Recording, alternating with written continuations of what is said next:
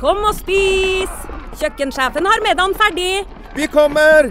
Vi skal bare Åh, det er da så morsomt her på Stiklestad! Ja, men sjøl en god viking må ha både mat og hvile. Og dessuten kan dere nå være noen dager. Velkommen til Scandic Stiklestad. Moderne fasiliteter i historiske omgivelser. Det var her det skjedde. Det er her det skjer.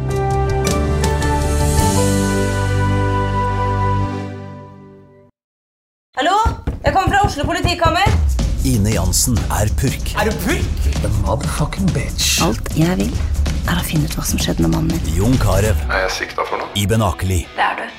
Ole So, Lars Berrum og Big Daddy Karsten. Hvem sin side er du på, egentlig? Anette Hoff, Tone Danielsen, Kommer du fra Afrika? Jørnis Josef, Nesten. Kløfta. Trond Espen Seim, Det er synd å si det, men det var feil mann som døde. Purk. Premiere tirsdag på TV2 Play.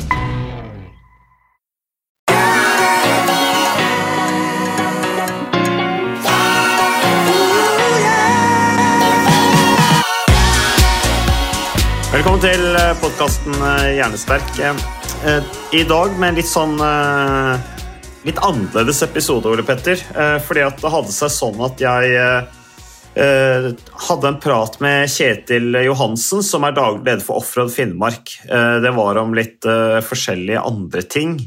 Litt eh, saker rundt noe folkehelseprosjekt og sånne ting som jeg driver og jobber med, som jeg ville snakke med han om, i og med at han er blitt en ressurs i, i Finnmark og Nord-Norge. Um, og det sykkelrittet er jo et ritt som begynner å få høy status nå. Uh, fra of Finnmark, du var jo med der i sommer også. Um, det kan vi prate litt om etterpå, etter at vi har snakket med han. Men uh, først og fremst, hvordan er formen, Ole Petter? Du, formen er stort sett ganske bra, bortsett fra at jeg i helgen i et svakt øyeblikk tenkte at jeg var eh, et eller annet sted rundt 20 og skulle vise mine barn hvordan man eh, kjørte off-pist utenfor ja, oppkjørt løype da, i Slalåmbakken. Skulle hoppe, ta et hopp og lande, lande elegant og silkemykt to meter lenger ned. Ja. Og så ble det alt annet enn silkemyk landing. Det ble krasjlanding og strekte ligamenter i kneet og et hovent og vondt kne. Så jeg halta rundt eh, et par dager, og det, det merker jeg det passer meg veldig dårlig. Veldig Mm. lite glad i å halte rundt. Så det er det eneste du som er rett ikke og er slett helt tipp topp. skadd, du, altså? Du er rett og slett skada? Er rett og slett uh, skada. Og det var helt idiotisk. Ja. Nei, jeg må, må innse at Eller jeg har jo ikke lyst til å innse at jeg begynner å bli gammel. Det er, det er, det er verdt å skade seg litt, da. Får Som utfolde Otto seg. Lauritzen sier, eh, det- alder er bare et eh, tall. eh, Men eh, man mister jo litt smidigheten med åra. Jeg har vært og kjørt alpint selv, jeg, med sønnen min eh, Liam oppe i Willyløypa og Tryvann. Det var helt fantastisk. Det er en deilig tid på året dette når man klarer å utnytte de mulighetene som er. Så, så det er bra. Men eh, Ole Petter, skal vi eh, høre på intervjuet, eller praten jeg hadde med Kjetil Johansen? Um, jeg vil bare legge til at vi har ikke noe samarbeid med Offroad Finnmark. Ikke noe sånn kommersielt samarbeid, for dette kan helt sikkert høres ut som, eh, som, eh, som reklame for Finnmarkrittet. Men jeg syns det er litt sånn rom for å hylle den type arrangementer som er eh, bygd på en sånn entusiasme. Og for så vidt litt sånn idealisme også, og, og, og engasjement rundt å bygge opp noe. og liksom, Første gang var i 2008, startet med fem utøvere, og så har det vokst noe voldsomt. Eh, Og dette har med sammenhengen med den type arrangement og ringvirkning det har på folkehelsa, lokalmiljøet og, og nå også utover lokalmiljøet. Vi kan høre hva Kjetil Johansen sa når jeg snakket med han. Eh, Kjetil Johansen, du, eh, du, er du rittleder i Offroad Finnmark, eller hva er tittelen din i den forbindelse? Jeg er daglig leder i Offer Finnmark, ja. Daglig leder. Eh, Og det er et ritt som har eksistert eh, Det er begynt å bli et ganske tradisjonsrikt eh, arrangement. Når var første utgaven? Det var En testutgave i eh, 2008 med fem deltakere som sykla 600 km rundt omkring på vidda og kom tilbake til Stadberg-Alta og kom tilbake til Alta. Um, eh, fordi at de hadde lyst eh, del, Deltakerne var jo også initiativtakerne til, til Offer Finnmark. og de hadde eh, veldig lyst til å vise verden hva Finnmarksvidda besto av. Hvordan det er å leve og bo her, og de fantastiske områdene som, eh, som ligger der eh, Og ja, helt fantastiske, rett og slett. Må oppleves. Mm. Eh, og så har det jo vokst uh, siden den gang. Uh, og uh, Ole Petter Gjelle jo, ble jo invitert med, det ble jeg også, i årets utgave. Jeg dukket ikke opp pga. jobb. Ole Petter han stilte, så han representerte Hjernesterk der og kom seg fint igjennom. og det har jo da ført til at vi har fått en ny invitasjon for neste år. Hvordan er deltakelsen for det året som, som kommer? Uh, den er helt fantastisk. Den er opp 27% fra samme tid uh, hvis vi sammenligner med samme tid som i fjor. Så, og i fjor var ikke noe dårlig år. og Jeg hadde en liten knekk under pandemien. Så, uh, og så er det begynt å stige igjen. Så, så litt flåsete tabloid sagt, så har vi hatt sånn 13 000-14 000 prosent økning i antall deltakere siden 2008. Men mm. Det blir jo litt uh, søkt å uh, på en måte komme med den sammenligningen, men litt mors, en kuriositet. da. Så jeg har lyst til å bare si, si litt grann, uh, når vi er nå inne på hjernesterk i forhold til Ole Petters deltakelse i fjor. fordi at han, hadde, han var jo nede i Tønsberg og hoppa fallskjerm. Uh, og så drøyde, det, drøyde den uh, fallskjermgreien på fredagen. Starten på 150 km den er på lørdagen. Og så rakk han et fly på ettermiddagen på fredagen. Kom til uh, Tromsø klokken ti på kvelden. ble henta der av våre folk. sjåføren som vi fikk eller som, som skulle hente noe. Han var så trøtt at Ole Petter måtte kjøre sjøl til, eh, til, Alta. Kom her i firetida og opp i eh, sjutida og gjennomførte, som du sa, fint. Ja. Eh, Typisk Ole Petter gjeldeopplegg.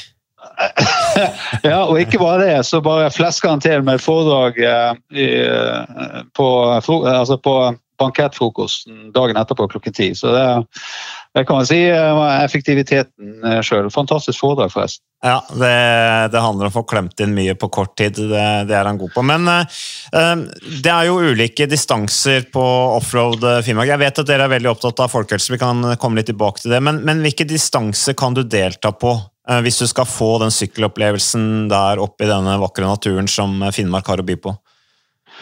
Da har vi tre distanser. Uh, vi har uh, 150 km som gjennomføres som en soloutgave, altså én og én. Og så har vi uh, en 300 km som også går non-stop. Alle våre ritt er non-stop, innom sjekkpunkt riktignok, med obligatorisk hvile på noen minutter ja, her og der. og den kan gjennomføres både som team som er den største grupperingen, men også som, fra i år av som soloutgave eh, i to varianter. En ekspressutgave og en, eh, og en da eh, eh kaller vi adventure, altså eventyrutgave, der du har tid til å se litt på vidda. Og så har vi da, da, den ultimate utfordringen, som er 700 km nonstop eh, sykling på vidda. Innom tolv sjekkpunkt og fjellstuer, og da får du virkelig både brynt deg og sett litt av hvert. Mm. Hva, eh, hva, hvor er deltakelsen eh, størst? Hvilken klasse er det som er mest eh, populær? Er det den solo, eller var det team du sa var mest populær? Ja, det er nok den, Der vi har flest deltakere, er jo da det rittet som her oppe blir kalt som Formel 1, altså sprintutgaven. Eh, og det er 150 km. Mm. Eh, der, vi, der, begynner vi å nærme oss taket på det vi, eh, det vi er kapable til å, å ta. Vi, vi, har begrensning på antall deltakere fordi vi ønsker at hver enkelt deltaker skal få den supporten og service fra våre fantastiske frivillige. Uh, ja, at, det, at vi, vi, klarer å levere det vi sier at vi skal levere av uh, service. Det er jo et fullservice ritt hele, hele veien. Mm. Så ja. Men uh, dere er opptatt av folkehelse, som sagt, og det var jo også en av grunnene til at dere inviterte uh, Ole Petter og meg opp der. Men i, i, hvilken grad, hva slags type deltakere er det som er med der? Har du, har du inntrykk av at mange av de har brukt arrangementet til å ta tak og gjøre endringer og ja, ta de stegene de ønsker i forhold til eh, egen helse. Kanskje litt ledende spørsmål. Jeg vil jo to, tro at det er en del av deltakerne der som melder seg på eller blir utfordret til å delta, og faktisk da må ta tak. Hva er dine observasjoner rundt det? Ja, kan vi jo spole tilbake til 2007. da, så, var det ikke, så eksisterte jo ikke sykkelsporten her nå, altså i Finnmark. Vi er på 69. breddegrad. Mm. Ikke noe kultur. ikke noe, uh, Det er ingenting som skulle tilsi at man skulle etablere et sykkelritt uh, her oppe uh, på den tida der, og i hvert fall ikke i terrenget, og i hvert fall ikke i villmarken. Dette her er jo et terrengritt med stor T. Det alt går i terrenget, og alt går i villmarken. Men altså og kanskje en og annen slenger. Uh, syklist uh, her oppe. og som jeg var altså I 2008 så var det fem deltakere som sykla 600 km. Mm. nå har vi 650 deltakere, sånn røftlig. Hvis vi tar med banerittet, ungdomsrittet, folkerittet, og så har vi en en luring på, på, gang i forhold til trim. Uh, så uh, vi fikk jo Folkehelseprisen i, av fylkeskommunen i 2019 fordi at man har rekruttert bredt, og fordi at man har gjort terrengsykling til folkesport her, her nord. Mm. Så, så her er det et stort engasjement, og det er veldig mange inaktiv, altså det som vi i dag regner som inaktiv uh, uh, som, er blitt, som har endret livsstil fra inaktiv til aktiv. Og det er ikke bare deltakere i, i uh, Offer Finnmark som, som på en måte er påvirka av dette. Det er en skog altså Det er blitt mm. etablert en skog av, av, av personer som har funnet inspirasjon av aktiviteten til Offroad Finnmark og sykler til jobben. Mm. Eller bruker sykkel som transport. Og så vet vi jo det at det her har jo smitteeffekt, eh, smitteeffekt i forhold til nære omgivelser. Altså aktiv, eh, aktive nære relasjoner eh, avler aktive barn og neste generasjon. Mm. Eh, eh, kort fortalt. Det er jo studier på. Jeg har jo på en måte både hørt på podkasten deres og, eh, og, lært en god del av, eh, av Ole Petter. Så mm. ja, eh, det var det lange svaret på at det hadde en voldsom folkehelsemessig gevinst. Mm. Som nok ikke er helt anerkjent blant politikere. og, og sånn. Det, de går rett på lommeboka deres. Mm. De ser det ikke sånn, nei, nei. Som, altså, i den grad de burde. Uh, og det tror jeg også uh, går litt på manglende, altså, manglende kunnskap og kompetanse på akkurat det området.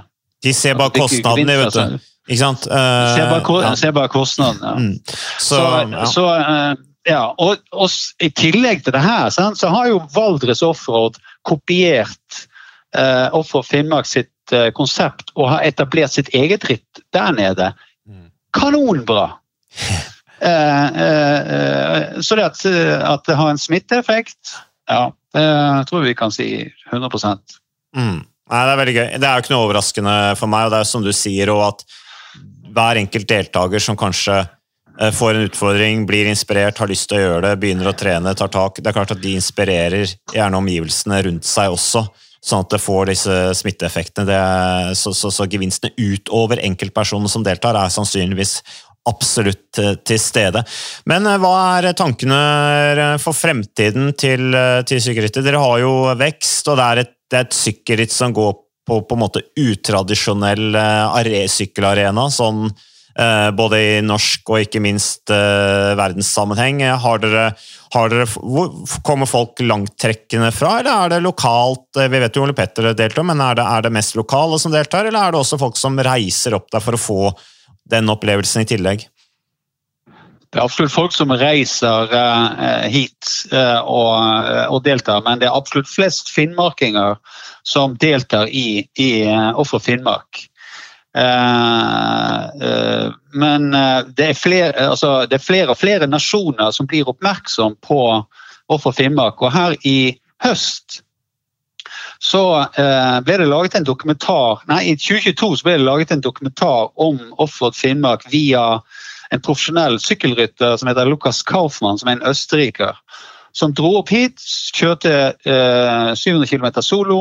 Så hadde han med seg et dokumentarteam som lagde en dokumentar på 42 minutter, som nå er lansert på, eh, på YouTube-kanalen hans. og Den finnes også på YouTube-kanalen vår. og blitt sendt, Deler av den er blitt sendt på østerriksk TV. litt så forskjellig. Men den ble antatt på en filmfestival, en av de største filmfestivalene i Nord-Amerika, som heter Breck Film Fest. eh, I Colorado. og Det er i Breckenridge uh, by. Er like, ikke så langt fra Denver. Og Eh, og det blir en helt ny dimensjon. For nå vet jo hele sykkelmiljøet i, eh, i Breckenridge, i Beaver Creek og i de områdene i Colorado hvor det er mange terrengsyklister om Offroad eh, Finnmark. Så vår oppgave Og så er, og det et annet, annet aspekt. det er at Åtte av ti som deltar her, de ønsker å delta igjen.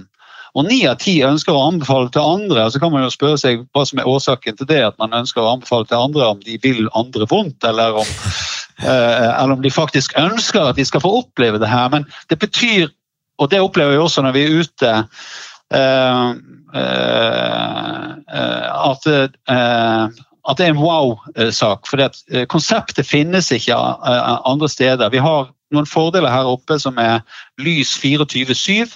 Og så har du midnattssola, og så har du sjekkpunktet, og så har du nonstop eh, konkurranser. Så det, det konseptet der, hvis du samler det, det finnes ikke andre steder.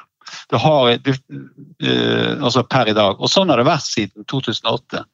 Mm. Og det, uh, med bakgrunn i det jeg forteller nå, altså, sier det seg sjøl at det er uh, interessant for både mellomeuropeere og amerikanere og, og sykkelentusiaster og eventyrere fra andre kontinent. Helt klart. Så Mm. det er jobben vår. Eh, til slutt, eh, Kjetil. Eh, man har jo fått et inntrykk av at mosjonsarrangementene, særlig på sykkelsiden, har slitt i, i motvind. Men det er vel kanskje først og fremst på, på landeveissiden. Du sier jo det at dere hadde en knekk under pandemien. Det er jo naturlig. Det skjønner jo alle at det er en, egentlig en bragd bare å holde arrangementet flytende i den tiden som har vært. Men hvordan opplever du at eh, deltakelsen er rundt mosjonsarrangementer eh, i, i, i, Norge? Uh, jeg tror det er et lys i tunnelen nå. Uh, det, det, trender, det trender til det.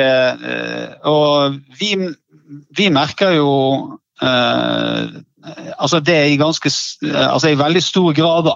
Eh, eh, så, så det er det, a hope in a hanging snore, var ikke det han der eh, Eggen sa? Eh, eh, eh, eh, så det tror jeg på en måte er på vei til å ta seg opp. Men jeg tror også det at eh, eh, å ta ned alvoret eh, er veldig viktig i et mosjonsarrangement eller i turritt som sådan. Sånn at eh, eh, det ikke eh, altså det ikke blir et press, da. Eh, eh, altså et unødvendig press. Eh, eh, og for det som handler om plassering. Her oppe eksempel, så handler det kun om én ting i det store og hele. Det er å gjennomføre.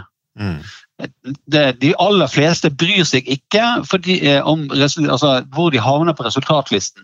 De er ute etter å ha fullført innenfor den tidsfristen som er romslig, da, for å få finishertrøyen, som er en veldig ettertraktet sak. Det er det de er interessert i. Ikke, det spiller null rolle om de blir nummer 30 eller 80 eller 100. Og i fjor, eh, nei i år, så var det en eh, en dame på 22 år, faktisk den yngste damen som har gjennomført 700 eh, terrengkilometer eh, i en konkurranse noen gang. Og det er jeg ganske sikker på. Eh, hun var 22 år. Eh, og eh, hun satt på setet i eh, 113,5 timer. Det er nesten fem døgn, altså fire døgn pluss. Fristen for å klare den finishertrøyen, den, den er 114 timer. Og hun kom inn Eller hun brukte 113 timer og 45 minutter. Jeg greide limiten med et kvarter. Det var en elektrisk stemning i, eh, eh, i Alta. Eh, og det her finnes det dokumentasjon, altså videoer av det, bare går på vår kanal.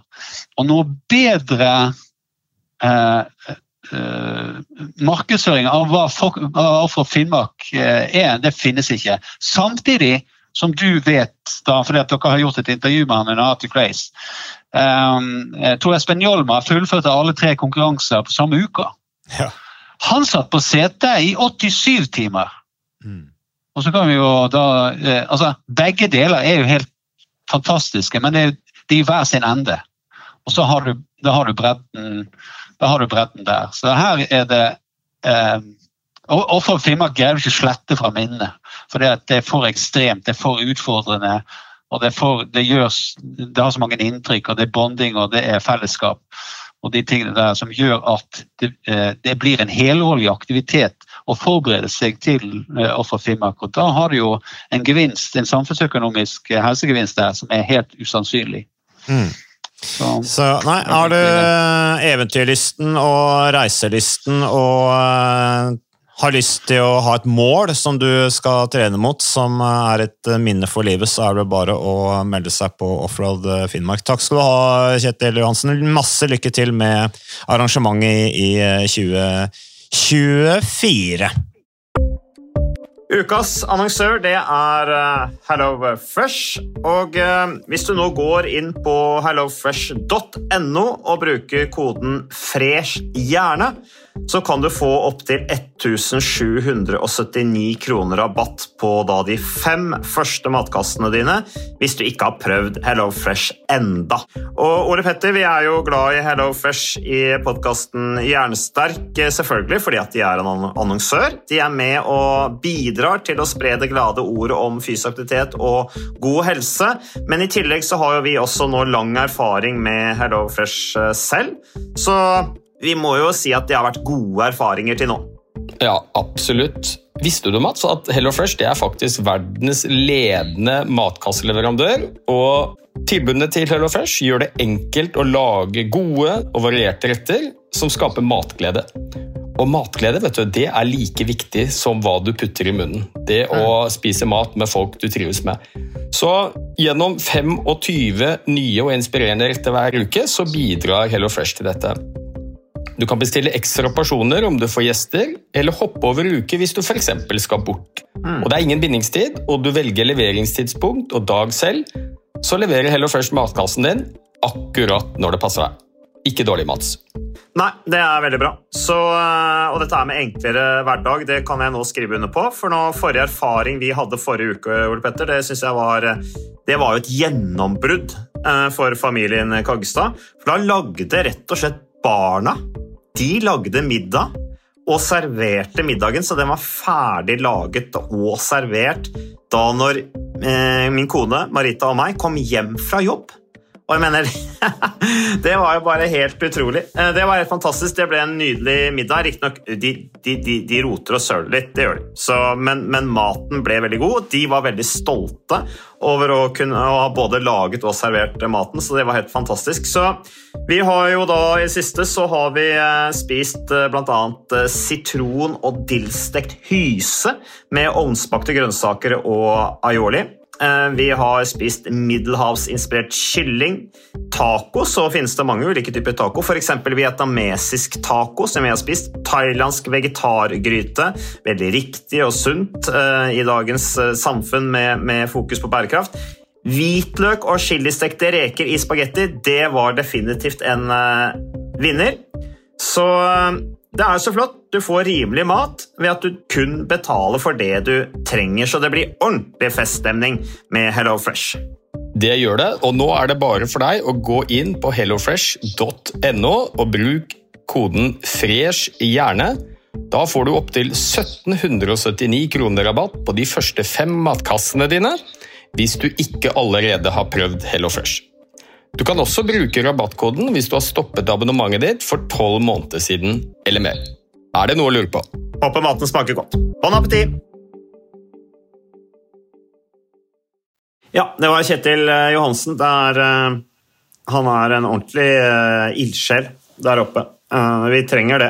Uh, Og det er jo litt sånn, Ole Petter, at i hvert fall i sykkel da, så har det vært veldig krevende for mosjonsdelen av sykkelsporten å, å, å arrangere ritt. Alt fra aldersbestemte klasser til mosjonsarrangement, og det har jo med trafikken å gjøre. eh, Og veldig strenge krav til sikkerhet. og det er jo forståelig det at det er krav til sikkerhet, men det er liksom sånn, det jeg stusser over, er at det vi fikk til for 10 år siden, for 20 år siden, for 30 år siden, det er ikke mulig lenger. Eh, Det syns jeg er litt rart. Eh, Og så har du hatt dette med pandemien.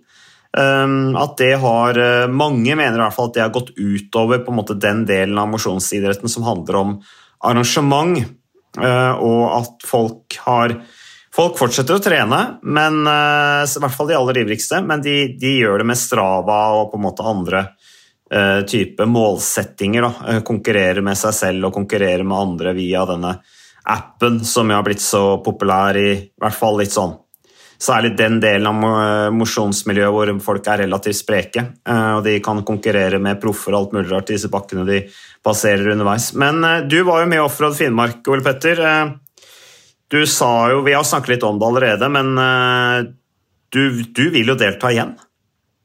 Du, jeg vil gjerne delta. Du, det var en helt uforglemmelig tur på mange nivåer. For det første fordi det ble et voldsomt tidspress for å rekke opp dit. Starten går jo i Alta.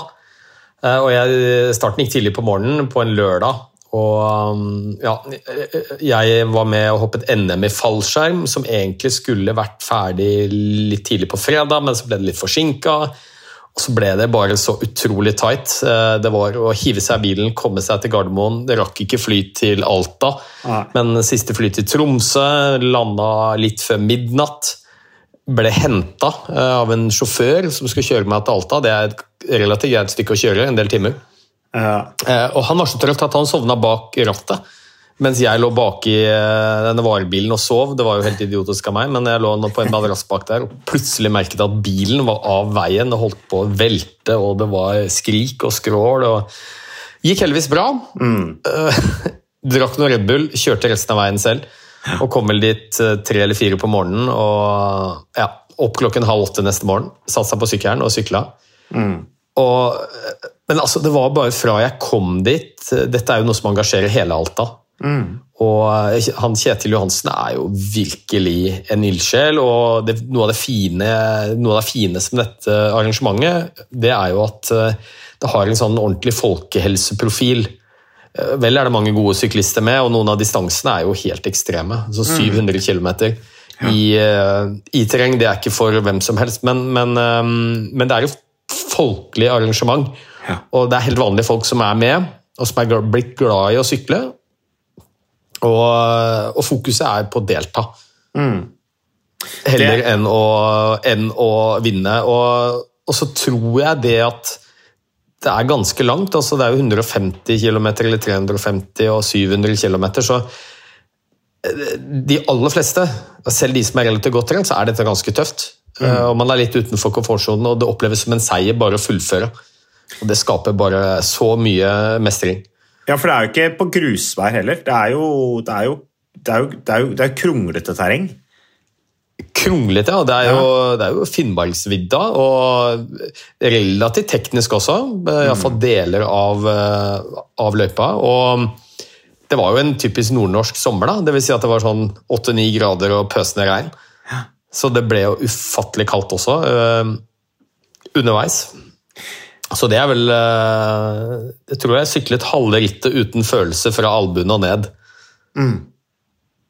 er det noe du har altså. opplevd selv? Har, er det noe du har opplevd før, eller, eller opplevde du en ny side av deg selv? Altså, Du, du er Nei, jo en du- fyr som har opplevd mye i livet, Ole Petter, og vært med på mye og greier, men øh, oppdaget du noen nye sider ved deg selv når du sykla der ute på vidda?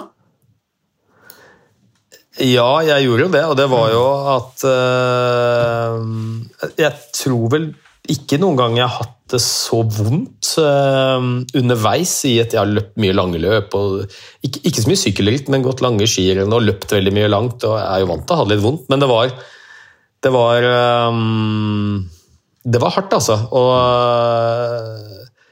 jeg tror aldri jeg har vært så glad som da jeg så det mål, målseilet komme, komme mot meg på slutten, etter ni, ni timer på setet. Men øh, det, det var noe med altså Det er jo en fantastisk naturopplevelse. Jeg er glad i å være ute og bodde i Oslo, brukt Nordmarka, nå bor jeg i Hedmark, vært på Hedmarksvidda, Hardangervidda. Og, men altså, det ikke noe helt mot Finnmarksvidda. Herregud, for et Altså størrelsen på det. Og, og mener, Du kan jo sykle i dagevis, om ikke ukevis, uten uten å treffe folk. Fantastisk natur. Telte du reinsdyr, eh, eller? Eller gikk du litt ut av tellinga? det var ganske mange, mange reinsdyr, men jeg telte veldig mye tilskuere. Ja. Og jeg husker at jeg, begynte å bli ordentlig sliten. Jeg var kald, litt lavt blodsukker. Og tenkte fy fader, nå må jeg Og det var jo ikke noen kilometermarkører som var noe Så visste ikke helt hvor langt det var igjen, da. Og så var jeg, opplevde at jeg var langt inne på vidda, men så plutselig så, så jeg noen folk som eh, tydeligvis hadde som var tilskuere, som hadde gått til fots. Og da tenkte jeg ok, nå er jeg ikke langt unna sivilisasjonen. Her har vi to godt voksne folk som står inne og heier. De må jo ha kjørt bil til et sted like i nærheten, eller de kan jo ikke ha gått veldig langt. Så jeg tenkte at nå begynte jeg å nærme meg Alta. Men de eh, tror jeg hadde vært ute på en dagstur, eller noe sånt, for det var jo iallfall 25 km igjen. Så folk var langt ute på vidda og heiet. Og, nei, det var en fantastisk eh, god eh, stemning. Og jeg tror sjelden jeg har sett så mye glade, fornøyde folk som på den banketten etterpå. Det er morsomt, det der. altså. Så Jeg har jo invitasjon opp, så vi får bare se hvordan det passer med, med jobb. Eh, Men eh, litt av poenget Jeg har meldt deg på, jeg, Mats, bare så du vet det. Ja, jeg veit det. Det er en som eh, Jeg fikk en melding på, på Strava for noen uker siden, eller måneder siden, husker ikke helt nøyaktig når, men eh, da var det en som jeg ikke Som følger meg på Strava, da, som skrev til meg at Mats, du må begynne å trene litt mer. skrev han. Fordi at du er jo påmeldt til Offroad Finnmark. Eh, og han var rett og slett bekymra for at jeg ikke trente nok. Så, eh, så det så det, Men eh, vi, vi får se. Eh, Det er hyggelig at du har meldt meg på. Petter. Hvilken distanse er du har meldt meg på, forresten? 700 km? Jeg tror det var den eh, Ikke 700, men ja. 350, Ja. mon tro. Ja, det er bra, det. det, er bra det. Nei, vi får se. vi får se. Det er bare å, å holde, holde kroppen i gang. Men litt av poenget med å ta det opp her var jo Jeg var litt inne på det at det har vært litt utfordrende i hvert fall for sykkeldelen av Eller eh, altså, syk, altså mosjonssykkelrittene i Norge, særlig på landeveien, har slitt. Så vokser det heldigvis opp andre arrangementer da, som ikke krever så mye sikkerhet osv. Selv om jeg har inntrykk av at Ofra Finnmark krever en del logistikk også fra støtteapparatet sin del, med alle disse postene og sånn man skal innom. Men eh, vi nærmer oss, nå er vi jo i desember, eh, vi nærmer oss jul. Eh, da nærmer det seg også nyttårsaften, og da er det jo garantert at det kommer til å bli mye sånn nyttårsforsettprat igjen. Kan tenke seg at vi tar opp eh, tråden her også i Hjernesterk også når vi passerer nyåret, men hvilken dato er det disse nyttårsforsettene pleier å ryke igjen, Ole Petter? Du, Det kommer litt an på hvilket nyttårsforsett vi snakker om, men eh, jeg tror vel eh, det er gjort en estimat at rundt 2,5, kanskje så mye som 3 millioner nordmenn har et nyttårsforsett, eller flere hvert eneste år. Og så godt som alle nyttårsforsetter handler om helse. Med noen få unntak, da, men det handler primært om at vi skal trene mer, bevege oss mer. Det er nyttårsforsettet som er vanligst. Spise sunnere, sove mer, kanskje slutte å røyke, snuse, ha noen hvite måneder med mindre alkohol. Og så vet vi eh, i de studiene som er gjort, i hvert fall, at ca. 80% av nyttårsforsettet ryker. Og um, spesielt det nyttårsforsettet med mer trening, det vet vi når det ryker også. Og det, det var en stor studie hvor man så på brukerdata for flere millioner Strava-brukere. Hvor man så hvor mye de hadde trent fra nyttår og utover. Og det, det man så da, var jo at 1. og 2. januar så var det helt sykt høye aktivitetsnivåer på verdensbasis. Altså, da er det mange som trener. Og Så går det en liten stund, og så synker det. og Så dropper det som en stein på et tidspunkt, øh, og så havner vi på et nivå som er lavere enn der man startet i øh, slutten av øh, desember, begynnelsen av januar. Og, um, så Den magiske datoen for når nyttårsforsett og mer trening når det ryker, det er 19. januar. Ja. Mm, ikke sant? 19. Og januar, da ryker de fleste eh, nyttårsforsetter. Mm. Ja, iallfall det, med, det med trening. og det, Da kan Ja. man jo spørre seg litt hvorfor. Og Jeg tror vel den viktigste årsaken er at vi gjør det litt for vanskelig for oss sjøl. Vi skal gjøre for mye på en gang. Det er ikke bare det at vi skal bevege oss litt mer, vi skal også sove mer, spise sunnere og slutte å snuse. Gjerne alt på en gang. Og jeg mener det er vanskelig nok å, å endre atferd på ett område i livet, som om du ikke skal gjøre flere på en gang. Så det tror jeg kanskje er et av de viktigste tipsene hvis du skal gjøre noen endringer i livet ditt. Starte et nytt og bedre liv 1.1., så gjør noen små endringer av gangen. På ett område. Velg ett område som du har lyst til å fokusere på, om det er å bevege deg litt mer, og så legg lista lavt. Det behøver ikke å være verdensrekordambisjoner fra starten av. Og jeg mener jo det at du kan nesten ikke legge lista for lavt. Nesten Jo lavere du legger lista, selvfølgelig jo større sannsynlighet er det for å lykkes. Og lykkes du, så skapes det mestring. Og det snakker jeg mye om. at Vi har jo f.eks. noen anbefalinger fra Helsedirektoratet om hvor mye vi skal bevege oss. Eh, Og det begynner å bli ganske voksne anbefalinger. Eh, Fem timer i uka for de fleste nordmenn som sitter mye stille i løpet av dagen. Altså 300 minutter i eh, uka. Og det er klart Hvis du har vært inaktiv veldig lenge, og så tenker du at ja, nå skal jeg begynne å trene Hvor mye skal jeg trene? Jo, jeg gjør det myndighetene anbefaler. 300 minutter. Så er jo sannsynligheten veldig lav for at du skal lykkes. Gå fra 0 til 300 minutter i ett steg. Um, og Da kan det være greit å vite at uh, du får ganske så formidabel helsegevinst ved å trene mye mindre også, og så er det mye større sannsynlighet for at du klarer å lykkes med det. Og, så Det er kanskje mitt aller viktigste tips. Eh, Legg lista lavt. Har du ikke beveget deg på gudene vet hvor lenge, så kan første mål være å gå til postkassa. Så jeg har noen deprimerte pasienter. Jeg anbefaler det. Eh, Og så kan det være å gå bitte litt lenger uka etter. Gå til butikken, kanskje. Så bitte små delmål som du um, har tro på at du skal få til. Det skaper mye mestring. Og så er det litt viktig hvordan vi snakker til oss selv. Uh, Og det tror jeg jeg har sagt flere ganger. Hvis målet ditt er å trene fem ganger i uka, og du får til tre, så er jo tre veldig bra, men du vil sannsynligvis oppleve det som et tap allikevel, for målet var fem, du klarte bare tre. Du har ikke lykkes.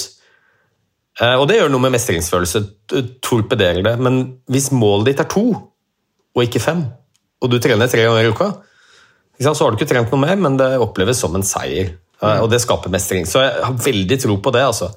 Eh, Hvis du skal bidra til å få noen til å bevege seg litt mer, så um, bitte, bitte små delmål, ganske hyppige, som uh, det er realistisk at du får til. Så bygger du stein på stein.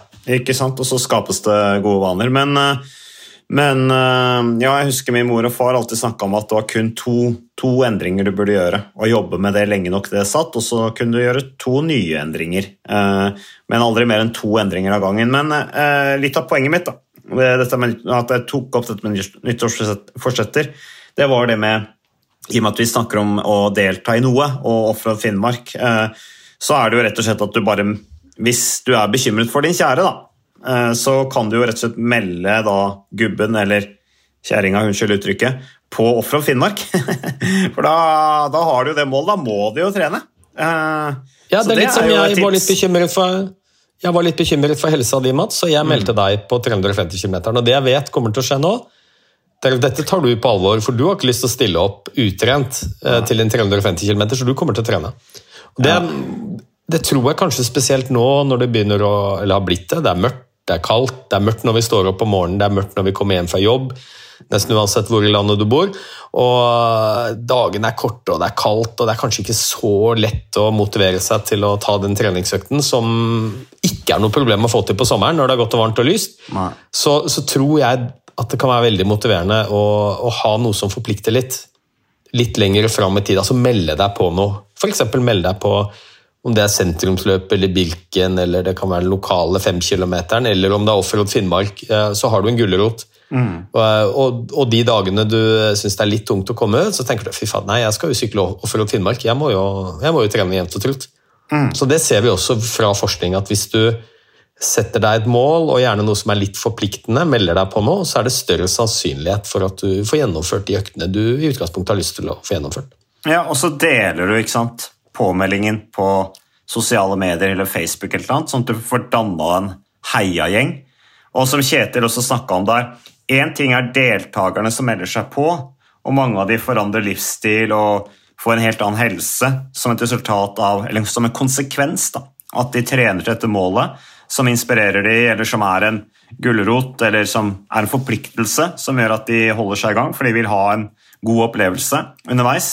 Eh, Men en annen ting er jo at, som han Kjetil sier også, ringvirkningen av én deltaker er at de rundt også blir påvirka av vedkommendes deltakelse. Litt sånn som vi snakker om med barn som har aktive foreldre. Det er større sjanse for at de er aktive. Men også her, ikke sant? venner, kjente, søsken.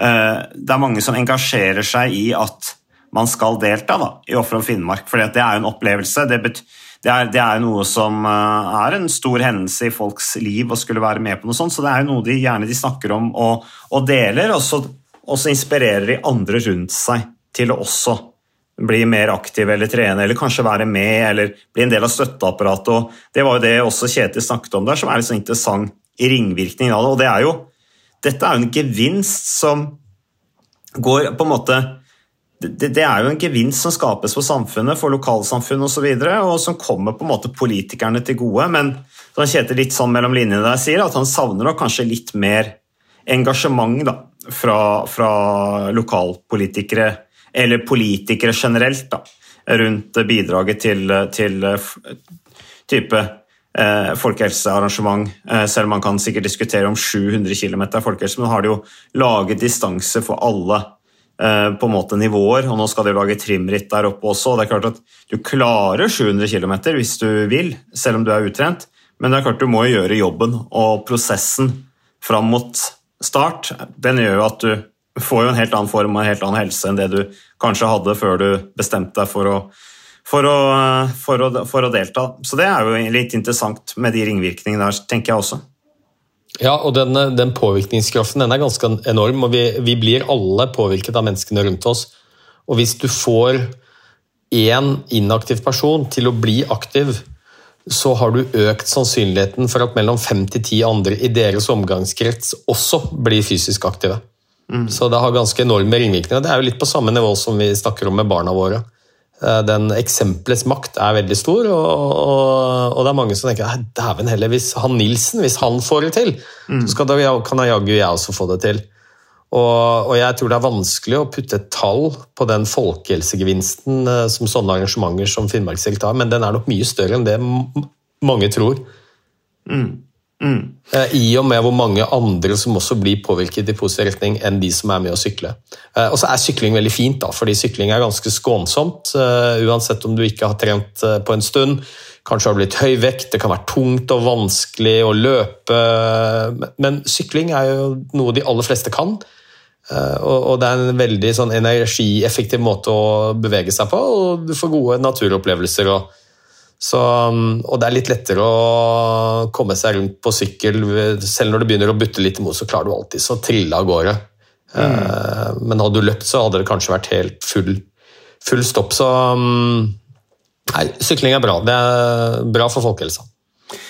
Vi nærmer oss slutten på den podkasten, Petter, men uh, bare litt sånn med tanke på det du sa om, uh, om nyttårsforsettet relatert til fysisk aktivitet eller til mosjon. Komme i bedre form gjennom fysisk trening. Eh, de fleste av de ryker allerede før vi kommer til februar. Eh, dette her med å melde seg på et idrettsarrangement altså, eller et mosjonsarrangement det har kanskje en større betydning på folkehelsa enn det kanskje folk tenker over. Men, eh, men, men det, er, det, er, det, er, en viktig institusjon da, i, i, i, i, det norske samfunnslivet, nemlig de mosjonsarrangementene som, som er. De må vi ta vare på. Og så er det jo også interessant, Nå passerer vi jo etter hvert januar, Ole Petter, og da kommer jeg til å sende årsrapporter om, til disse bedriftskundene vi jobber med, som jo følger opp fysisk aktivitet gjennom hele året og hver eneste måned setter det på agendaen. Spennende å se også, Du snakket om dette her, hvordan folka rundt oss inspirerer oss. det er klart Arbeidsplassen er en viktig arena for å, å skape god folkehelse. Uh, vi har jo gode eksempler på på systematisk arbeid rundt det i arbeidslivet. Kanskje vi skal trekke fram noen av de bedriftslederne for å komme og snakke om det også. Og så er det jo dette her med, med personlig trening, blant annet. Nå har jo vi akkurat uh, i Avantas Aktiv uh, startet uh, sammen med noe som heter Source Avantas Coaching, som, hvor man kan unne seg f.eks. å kjøpe en, en personlig trener. Da er det der får du folk som er, har lang erfaring med trening, har en voldsom kompetanse rundt, eh, rundt, trening gjennom et langt liv i idretten. Eh, kjente navn på avantascoaching.no hvis du vil se der, eventuelt kjøre, kjøpe en julegave til deg selv eller dine nærmeste. Ja, så Det er jo også en strategi hvis man har mulighet til det og råd til det. Så, så vet vi at det å bli veiledet og bli fulgt opp øker eh, iallfall dobler sannsynligheten for at du klarer å få til en atferdsendring. Så det er veldig bra eh, å få litt hjelp og bli veiledet eh, på veien. Allikevel så tror jeg det aller viktigste du kan gjøre hvis du har et nyttårsforsett, og det er viktig for deg å få gjennomført det, du har ikke lyst til å være en av de 80% som eh, har et nyttårsforsett som ryker, så tror, vi, tror jeg likevel, basert på forskning, den beste strategien er å fortelle flest mulig om det. Så hvis målet ditt er å trene tre år i uka, eh, du har lyst til å begynne med det fra 1. januar, fortell alle du kjenner. Skriv det på Facebook, på Insta, fortell familien din, flest mulig fremmede på gata. Utbasuner hva du har som mål. Um, mm. Og det handler nok mest om at uh, er det én ting vi mennesker ikke liker, så er det å skuffe andre. Mm. Mm. Uh, så, så, hvis du har fortalt mange nok om hva målene dine er, så sitter det mye lenger inne å bryte dem. Uh, og vi går ganske langt for å få gjennomført det. og så har du også, som du sa, Mats, en heiagjeng som kommer til å spørre deg regelmessig Hei, hvordan går det? bra jobba, så, så, kult at du har fått det til. Mm. Og det styrker mestringsfølelsen. Så um, fortell flest mulig ja. om og målene dine. Ja, og vær klar over at du kanskje i tillegg inspirerer andre til å følge ditt eksempel også. Eksempelets makt er enormt. Vi er alle forbilder, og vi skal ikke skamme oss over å være det. fordi vi risikerer bare å inspirere andre til å følge våre gode eksempler. Tusen takk for uh, uh, bidraget, Ole Petter. Tusen takk til deg som lytter. Takk til våre bidragsytere, enten det er annonsører, eller det er folk som sender inn lyttespørsmål, eller det er ikke minst moderne media som hjelper oss å, å holde denne podkasten gående. Vi er tilbake med mer podkasten Jernsterk neste uke.